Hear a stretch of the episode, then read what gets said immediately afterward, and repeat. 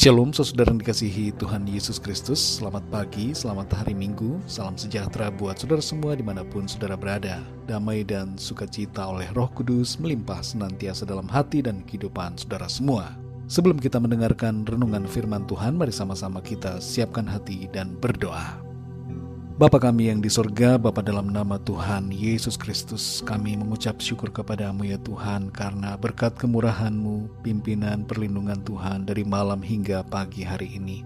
Kembali kami ada lagi, kami hidup dan bernafas, diberi kesehatan, kekuatan, dan berkat kebaikan Tuhan.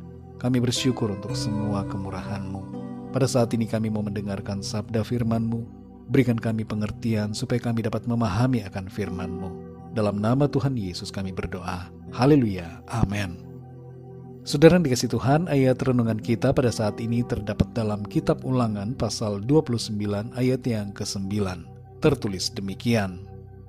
Sebab itu lakukanlah perkataan perjanjian ini dengan setia, supaya kamu beruntung dalam segala yang kamu lakukan. Saudara dikasih Tuhan, ada sebuah patung kecil yang dinamai Fortune Cat atau kucing keberuntungan yang sering kali bisa kita lihat di depan toko-toko, minimarket, restoran atau tempat usaha lainnya. Dengan tangannya yang melambai-lambai seakan memanggil pelanggan atau mengundang rejeki. Di Jepang nama arca ini disebut dengan Maneki Neko dan dipercaya sebagai pengundang rejeki dan keberuntungan. Bagi kita orang yang beriman kepada Tuhan, tentu hal ini tidak kita percaya. Kita menyadari bahwa keberhasilan dan keberuntungan datang dari Tuhan, bukan dari benda-benda semacam maneki neko atau fortune cat ini. Keberhasilan dilimpahkan Tuhan kepada orang-orang yang percaya dengan segenap hati dan yang mau taat melakukan firman-Nya serta mengikuti tuntunan Roh Kudusnya. Dalam Ulangan 29 ayat 9 ini tertulis, Sebab itu lakukanlah perkataan perjanjian ini dengan setia, supaya kamu beruntung dalam segala yang kamu lakukan.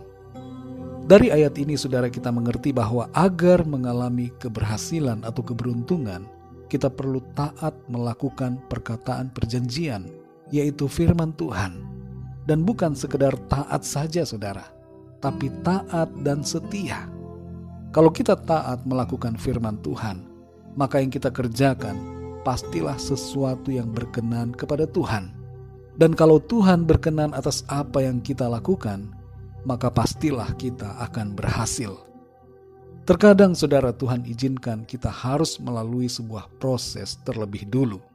Di saat-saat seperti itu tetaplah setia, taat mengasihi Tuhan, dan melakukan kehendaknya. Jangan iri hati dengan orang-orang lain yang nampaknya kehidupannya lebih beruntung dari kita. Kita tidak perlu dengki atau merasa kecewa. Jangan mengukur diri kita dengan orang lain.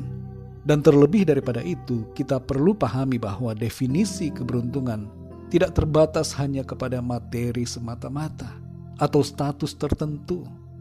Kadangkala untuk sesaat lamanya, kita berada dalam suasana yang kelihatannya sebagai ketidakberuntungan tapi sebenarnya keadaan itu adalah proses yang Tuhan izinkan supaya kita mengalami terobosan dan keberhasilan sesuai dengan rencana Tuhan. Saudara yang dikasih Tuhan, tidak perlu kita mempertanyakan cara kerja Tuhan dalam hidup kita. Mungkin ada di antara kita saat ini yang sudah tidak sabar dan mulai mengomel. Saya sudah taat tapi mengapa hidup saya gagal? Lalu mulai berpikir untuk meninggalkan Tuhan karena kondisi hidup yang penuh tantangan dan masalah. Ketahuilah saudara bahwa Tuhan tidak rugi bila kita meninggalkannya. Yang rugi justru adalah kita bila kita meninggalkan Tuhan. Bagaimanapun situasi kita hari ini, tetaplah setia melakukan firman Tuhan. Janji firman Tuhan bagi kita yang taat adalah mengalami keberuntungan dalam segala yang kita lakukan. Tetaplah berpegang teguh pada firman Tuhan dan sabarlah setia menantikan janji Tuhan. Berkat, keberhasilan, dan keberuntungan pasti kita alami. Bahkan lebih daripada itu, sukacita, damai sejahtera, kebahagiaan, keselamatan, dan kehidupan yang kekal menjadi bagian milik kita selamanya. Yang terpenting dalam hidup ini, saudara, tetaplah taat dan setia melakukan firman-Nya. Percaya dengan segenap hati dan hidupi firman-Nya dalam hidup kita. Mari kita berdoa saudara. Terima kasih Tuhan Yesus kami bersyukur untuk firman-Mu yang sungguh menguatkan kami pada saat ini.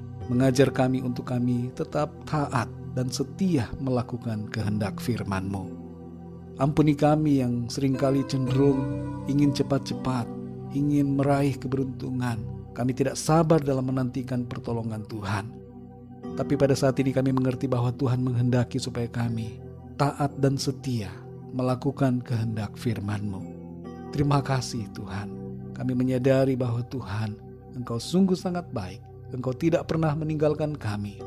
Engkau punya rancangan, yaitu rencana yang baik bagi setiap kami. Terima kasih Tuhan, kami bersyukur. Rancangan yang indah, rancangan penuh damai sejahtera, Tuhan sediakan bagi kami.